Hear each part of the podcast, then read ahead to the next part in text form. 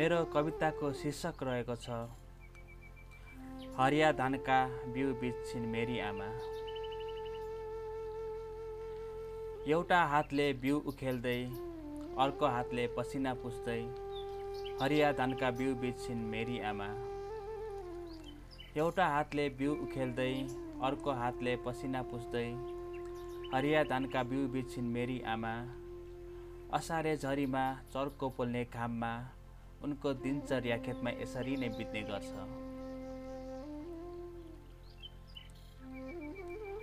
छोराछोरीलाई पढाउने अनि परिवारको पेट पाल्ने सपनामा छोराछोरीलाई पढाउने अनि परिवारको पेट पाल्ने सपनामा आफ्नो सपनालाई उनले भुलिसकेकी छिन्।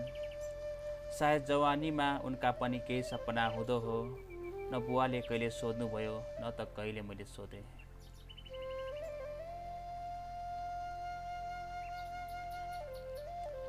एकचोटि केवल कार चढ्ने कुरा गर्नुहुन्थ्यो। एकचोटि केवल कार चढ्ने कुरा गर्नुहुन्थ्यो संसारलाई माथिबाट हेर्न चाहनुहुन्थ्यो। बुवा व्यस्त भए समाजका कामले म व्यस्त भए नाम कमाउने चाहनाले।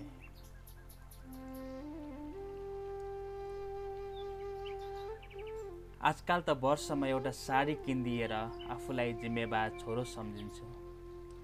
आजकल त वर्षमा एउटा साडी किनिदिएर आफूलाई जिम्मेवार छोरो सम्झन्छु।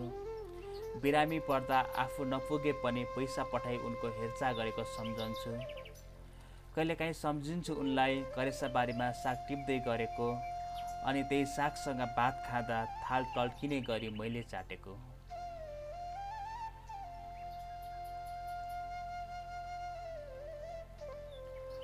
उनका हातका स्वाद आजकल पिज्जा र बर्गर खाँदा याद गर्ने गर्छु।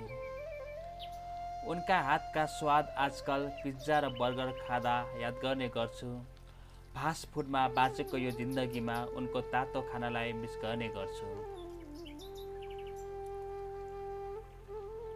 जब जब असार लाग्छ मुटुमा उनको याद आउँछ। जब जब असार लाग्छ मुटुमा उनको याद आउँछ। त्यत्रा धानको रोपाई यो बुढेसकालमा कसरी गर्लिन् भन्ने चिन्ता लाग्छ।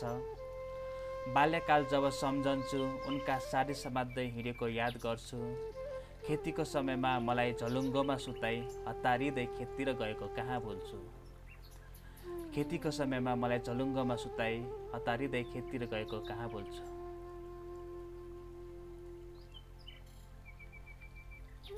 फेरि असार लागेको छ। फेरि असार लागेको छ। यो झरीमा मेरी आमाको दिनचर्या फेरि उस्तै हुँदो हो। बिहान उठेर रोटी पकाउने नुनमा हरियो खुर्सानी मिची खेत पुर्याउने बेला बेलामा आकाशतिर हेरी केही सङ्कोच मान्दी हुन्। बेला बेलामा आकाशतिर हेरी केही सङ्कोच मान्दी हुन्।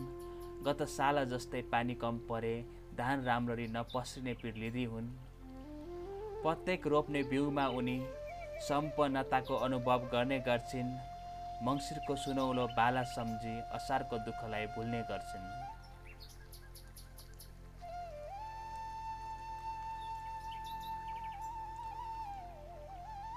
अनुहारका छाला घामले डढेका छन् लाज उनलाई नहुँदो हो। अनुहारका छाला घामले डढेका छन् लाज उनलाई नहुँदो हो। त्यही परिश्रमले आज छोराछोरी पढाएको सम्झी मनभित्रै गर्व गर्दी हो। खुट्टाका औँला हिलाले खाएका छन् हातका औँला पानीले बासिएका छन्। बुढेसकालकी मेरी आमा अहिले पनि छोराछोरी पनि किसानी गर्छिन्। घामसँगै उनी उठ्छिन् हरिया दुबोमा खाली खुट्टा हिँड्छिन्। प्रेसरका रोगी मेरी आमा अरूभन्दा अझ फुर्तिला देखिन्छन्। प्रेसरका रोगी मेरी आमा अरूभन्दा अझ फुर्तिला देखिन्छन्।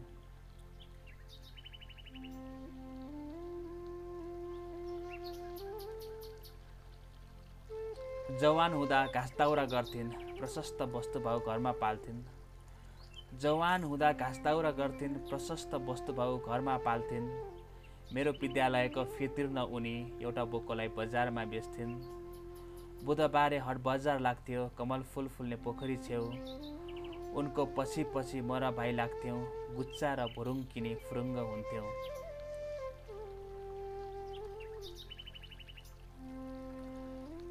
म र भाइ कहिले काहीँ माछा मार्न जान्थ्यौँ।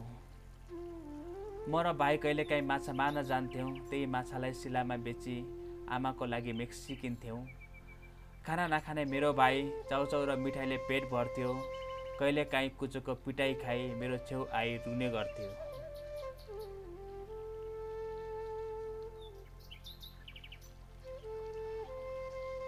उमेरले आधा शताब्दी पार गरेकी मेरी आमाको केही सपना सायद अधुरो हुँदो हो। उमेरले आधा शताब्दी पार गरेकी मेरी आमाको केही सपना सायद अधुरो हुँदो हो। त्यही सपनामा समेटिएको म जेठो छोरो उनकै सपनाको एउटा अंश हो। उनको सपनामा म आफ्नो सपना देख्ने गर्छु। उनको सपनामा म आफ्नो सपना देख्ने गर्छु। प्रत्येक एउटा सिँढी चढ्दा उनको अनुहारमा मुस्कान देख्ने गर्छु। त्यही मुस्कान पाउन आज दिन र रात मेहनत गर्छु। उनको काखमा एकपल्ट लुटुपुटु गर्न छोरा भएर फेरि जन्मन चाहन्छु।